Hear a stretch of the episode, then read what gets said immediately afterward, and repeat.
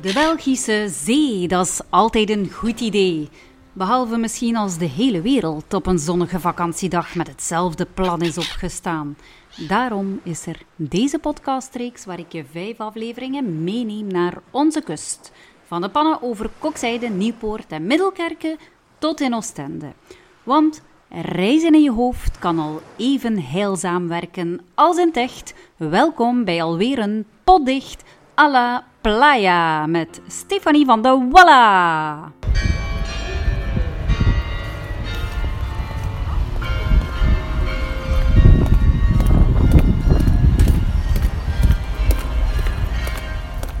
Hallo, zoek ik heb een vraagjes mee stellen naar Junder. Ga je soms een keer een dagje gaan aan de zee? Nee, ik kan voor niet. Nee, nee, nee, nee. Ik zit er niet op. Kan je niet blijven liggen? En ik zeg het, een klok. Maar dan wordt nog een zon tussen. Ik ook niet. Ik zit Uh, er waren er anders is, maar uh, niet liggen. Ik heb dat nooit gedaan. Zijn aan het. Maar als we wat dagje zonnen aan de zee, voor achter je te zetten? Nee, Nee, kan je zijn gehad. hij zit het gehad. Je kunt je bewegen. Maar nooit geen, alleen zonnevlokkers geweest. Nee. Ik ben niet zo echt de zeehanger. Voor dat, ik zeg niet, ik kan gaan shoppen en gaan wandelen zo daar, maar eh, anders dan aan het strand liggen niet zo. Ik kan dat het mooi weer is. Hè. Ik ben niet tegen de zon, maar zo liggen echt. eh, Ja. Ik heb genoeg in de zon gezeten. Ja, ik heb 37 jaar matchsnoren geweest. Kiezels zijn, maar ik, ik zie geen zon. Goed, smaakt me niet. Maar uh, niet in die felle zon. Niet Kijk, veel- zon is het op het terras. is dat terras. Dus. Ik kan dat niet langer vallen. Dat zijn we niet. Maar niet om te zonnen of eh, op het strand te liggen. Ik hou niet van zand. Ja. Nee, Tussen je tien, ja, nee, zonnecrème lig die plakt. massa tussen al de battende mensen. Allee, Allee. dada.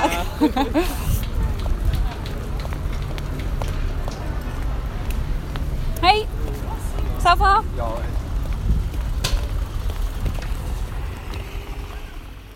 Plakkerige zonnecrème, overal zand en, en dan vooral op plaatsen waar je het liever niet hebt. Kwallenbeten, laat staan het gevoel te hebben om als een sardientje tussen duizend andere rood aangelopen zonnebaders te moeten zitten. Nope, een hele dag zonnebaden. Uit mijn marktonderzoek op de markt van Poperingen bleek een dagje zon, zee, zand niet meteen een feestje, maar eerder de hel voor velen te zijn. En ja, ook aan mij is dat zonnen eigenlijk ook niet echt besteed. Ook zeezot en tweede verblijver Guillaume ondervond al van kinds af hoe lang zo'n gezellig dagje aan zee soms kan aanvoelen. Dus ik heb nu 42 en voor zover dat ik het me herinner, zijn we er eigenlijk ook naar de zee geweest. Mijn vader en mijn moeder hebben nog geprobeerd op vakantie te gaan op Dardenne, maar de lokroep van de zee was toch veel groter. Mijn vader was een mens die, die heren onder het volk zat en die, die van de zonne hield. Dat kost hem letterlijk een hele dag buiten zitten, van 's nachts vroeg tot 's avonds laat, het dagen tot de zonne schonk. Dat was wel een betant van mijn moeder en van mijn, van mijn zuster en voor ik soms. Want om naar de zee ging, wilde mijn vader niet vertrekken voordat de laatste was op dat stukje strand waar hem zo honger dan er gelegen in. En hij zag dan bij erin, maar hij ging voor zijn kop niet vroeger naar huis gaan. Deelgemeente van Kokzijde is Oostduinkerke, de kuststad van de garnaalvissers te paard. Katrien Terrein mag zich naast mede-uitbater van educatief centrum Het Trekpaard in Oostduinkerke ook een van de 16 erkende garnaalvissers te paard noemen. Ik ben Katrien Terrein. Ik ben 27 jaar, geboren in Brussel, maar nu al acht jaar wonende in Oost-Duinkerke. Mijn grootste hobby en passie is garnaalvissen te paard, maar daarnaast eigenlijk alles die ermee te maken heeft met de paarden, met het garnaalvissen, is eigenlijk hetgene waarvoor ik leef. Ja, en even checken of Katrien als paardenvisser ook beantwoordt aan dat iconische beeld van de stoere zeebonk met de gele oliejekker. Ik denk dat iedereen de gele oliejekker kent van de garnaalvissers, maar wat dat ze niet weten is wat dat eronder zit. Ik weet dat mijn vriend zeg maar altijd gewoon zijn normale kleren, een jeansbroek die niet te proper is natuurlijk en een trui aandoet. Maar ik ben kleiner en heb meer flexibiliteit nodig om op mijn paard te geraken. Voor mij is dat altijd een legging of een, een, jogging, zeg maar, of een broek waar veel stretch op zit, zodat ik mijn broek ook zeker niet scheur als ik op mijn paard kruip. Maar hoe komt een jonge vrouw uit Brussel in godsnaam bij het garnaalvissen terecht? Vanaf dat wij geboren waren, kwamen wij elke zomer voor één of twee maanden naar Oostuinkerke, Kokzijde of soms Nieuwpoort. En is het dan eigenlijk gegroeid met mijn mama en haar zus om hier ook iets te kopen en hier vast te gaan wonen. En dat is nu al acht jaar het geval. Het is eigenlijk door mijn mama dat ik echt het persoonlijk contact heb gekregen met garnaalvissers. Mijn mama heeft de grote droom om zelf te gaan garnaalvissen. Zij heeft dan een paard gekocht en is dan in opleiding gegaan bij een collega garnaalvisser, bij Gunther. En ik ging haar dan helpen. Maar um, als klein kind heb ik een enorme schrik gepakt van uh, paarden. Ik heb een beetje een trauma opgelopen doordat ik ooit eens onder mijn eigen paard terechtgekomen ben. En die schrik heeft daar tien jaar in gezeten, tot als mijn mama dus een boerenpaard kocht. Boerenpaarden zijn koudbloeden en die eerste contacten met een koudbloed zijn veel rustiger, zijn veel kalmer. En na eerste contact met dat paard, met Marta, dat was enorm overweldigend hoe rustig dat, dat eigenlijk was. En ik dacht zo, wauw, dit wil ik zeker nog een keer doen. Het duurde, dat was op een kwestie van een seconde dat ik plotseling weer verkocht was. Dat, dat zit erin en dat gaat er niet meer uit. Maar de hoefsmid van de garnaalvisser bij Hunter is mijn huidige vriend. Die heb ik daar dus leren kennen. De eerste keer dat hij kwam voor nieuwe hoefijzers voor Marta, was het eigenlijk direct vertrokken. En bleek dat die hoefsmid ook garnaalvisser was. Maar dat wist ik niet. Maar dan eigenlijk waren we vertrokken. Er was geen weg meer terug en ik moest uh, alles kunnen en leren. Hoewel Katrien en haar vriend Dominique een tiental trekpaarden hebben op hun educatief centrum Het Trekpaard in Osduinkerke, heeft ze toch één lievelingspaard. En die draagt heel toevallig dezelfde naam als mijn vriend. We hebben vorig jaar een paard gekocht, dat heette Dominique. Um, net zoals mijn vriend. Maar ik heb die omgedoopt tot Biska. Omdat mijn vriend is ook gekend als nonkel Biska. En ik vond Biska kort en bondiger in de mondlijn. En dan heb ik niet het gevoel dat ik heel de tijd op mijn vriend ligt te roepen als er iets misgaat of als ik hem nodig heb. Nee, maar Biska is zeker mijn grootste favoriet. Een enorme, enorme luiaard, bij wijze van spreken, maar zo lief. Je zou in slaap vallen en je handen naar je streelt. Ik denk dat ze eerder heel het omgekeerde zijn. Ik denk dat ze in de verste verste niet op elkaar lijken. Buiten dat ze allebei wonderschoon zijn. Maar uh, erkent garnaalvisser te paard worden, hoe gaat dat dan eigenlijk in zijn werk? Ja, ik neem aan dat er daar dan een opleiding voor bestaat, met een examen en alles erop en eraan.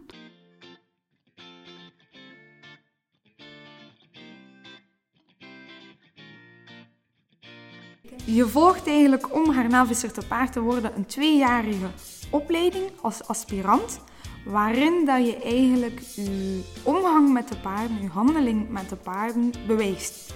Je bewijst eigenlijk dat je gaat vissen op regelmatige basis en daarmee ook iemand contacteert die zeg maar controleert dat je daar effectief bent.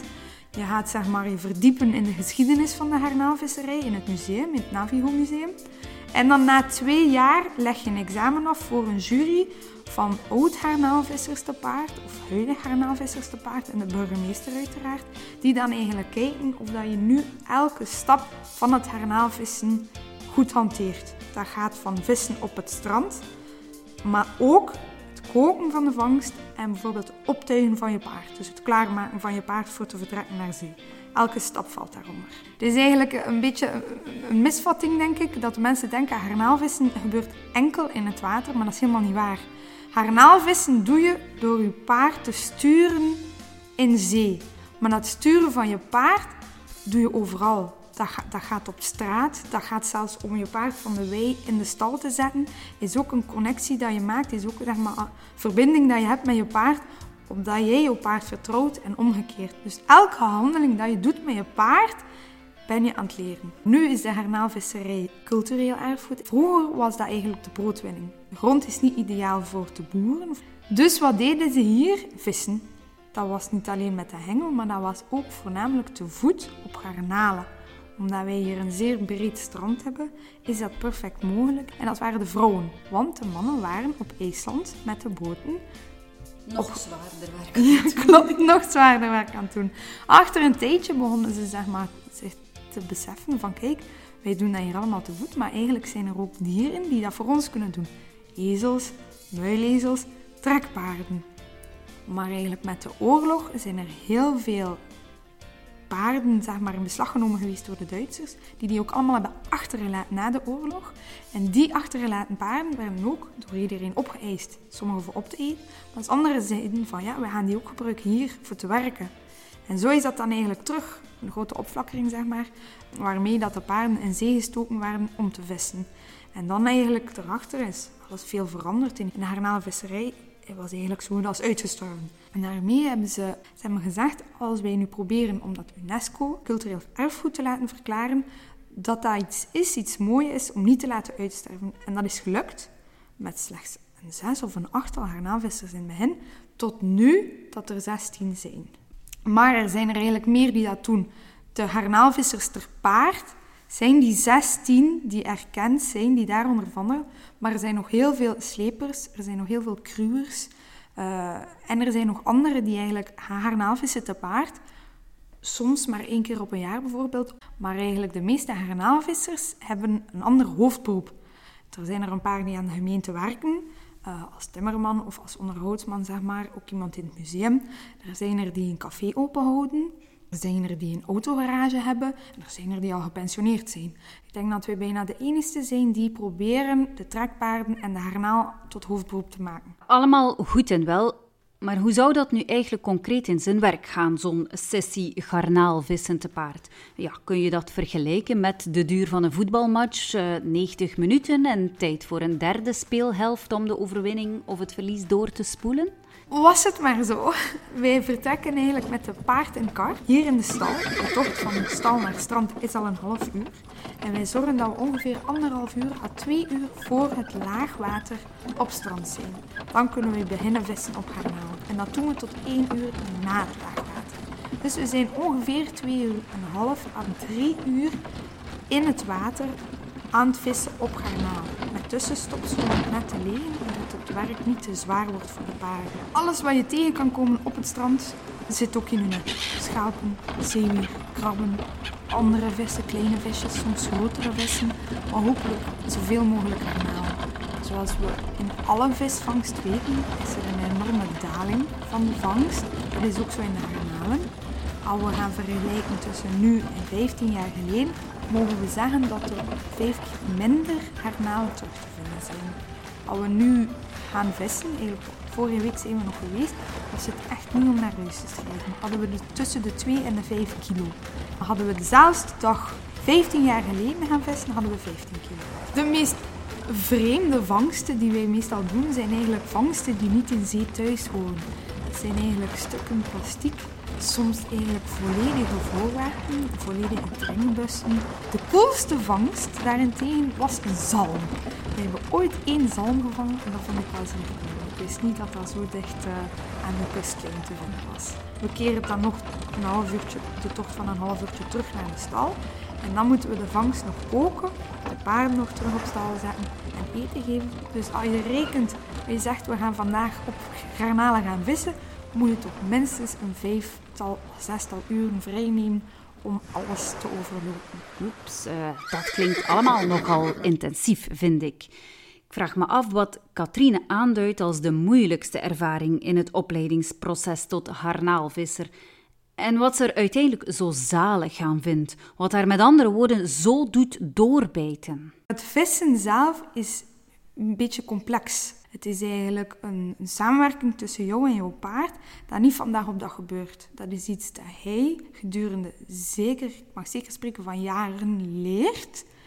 En uw paard ook. Een van de mooiste dingen vind ik, is als je op zee bent, is dat zo rustig. Dat is zo fijn. Ik voel mij dan zo krachtig eigenlijk. Ik ben niet zo groot, ik ben een meter 66. En de paarden waarmee wij gaan vissen, eens dat je erop zit, zit je 2, 3 meter van de grond. En om te weten dat ik zo klein ben, dat die paarden zo groot zijn en toch dat ik samen met dat paard in zee kan en die piepkleine garnaaltjes kan vangen, vind ik een van de mooiste dingen. Als je uit water komt en ziet dat je de garnalen in je net zit, dan ben ik blij. Dan denk ik, yes, ik heb vangst. How does it feel to have a king? But not a clue. Now love is dancing, frenzied, fooling. Me and you, where do we go? Where do we go? Voor we eruit gaan, keer ik nog eens terug naar Kokzijde, waar Zezot Guillaume nog kwijt wil hoe hij als wervikaan ten prooi ging aan de lokroep van de zee en intussen een tweede liefde voor Kokzijde ontwikkelde. Mijn vader was een maas die, die heren onder het volk zat en die, die van de zonne hield. Ondertussen is hij nu ook al een paar jaar dood. En ik ik eigenlijk, eerlijk gezegd, even heren of hem naar de zee. Eigenlijk doe ik ook hetzelfde dat ik dat net aan deed toen toekwam. Ik hem maak ik dat ik een frisse poter van Bernardus of een kwak of een hond Carolus mee van dus. Ik zet dat tafeltje en een stoel op de terrasse, kon kurken dat bertje en keek ik een beetje naar het volk dat passeert. Door die corona, ik heb dat twee maanden niet kunnen doen, maar van het moment dat kosten gaan, zie ik ook weer geweest. Ik zat daar eindelijk weer met een Bernard in mijn hand te kijken naar de zon die onderging en met een hoop tweede verbluffers die wandelen passeren. Wat het heeft verdekken deugd. Ja, een kwak, een gouden Carolus of een Bernard, dat klinkt aanlokkelijk. Op tijd en stond met wat gouden gerstenat je keel smeren en er je mond mee spoelen. Of aan zee best ook je tenen. Ja, dat kan alleen maar deugd doen. En voor dat laatste biertje, zo'n Bernard, keer ik het best terug naar mijn eigen hometown, Poperingen. Ik hoop dat ze je gesmaakt heeft, deze derde aflevering van Poddicht à la playa. Heel tof dat je alweer trouw luisterde. In de volgende episode komen we tegemoet aan de lokroep van Nieuwpoort, waar ik mijn hart verloor.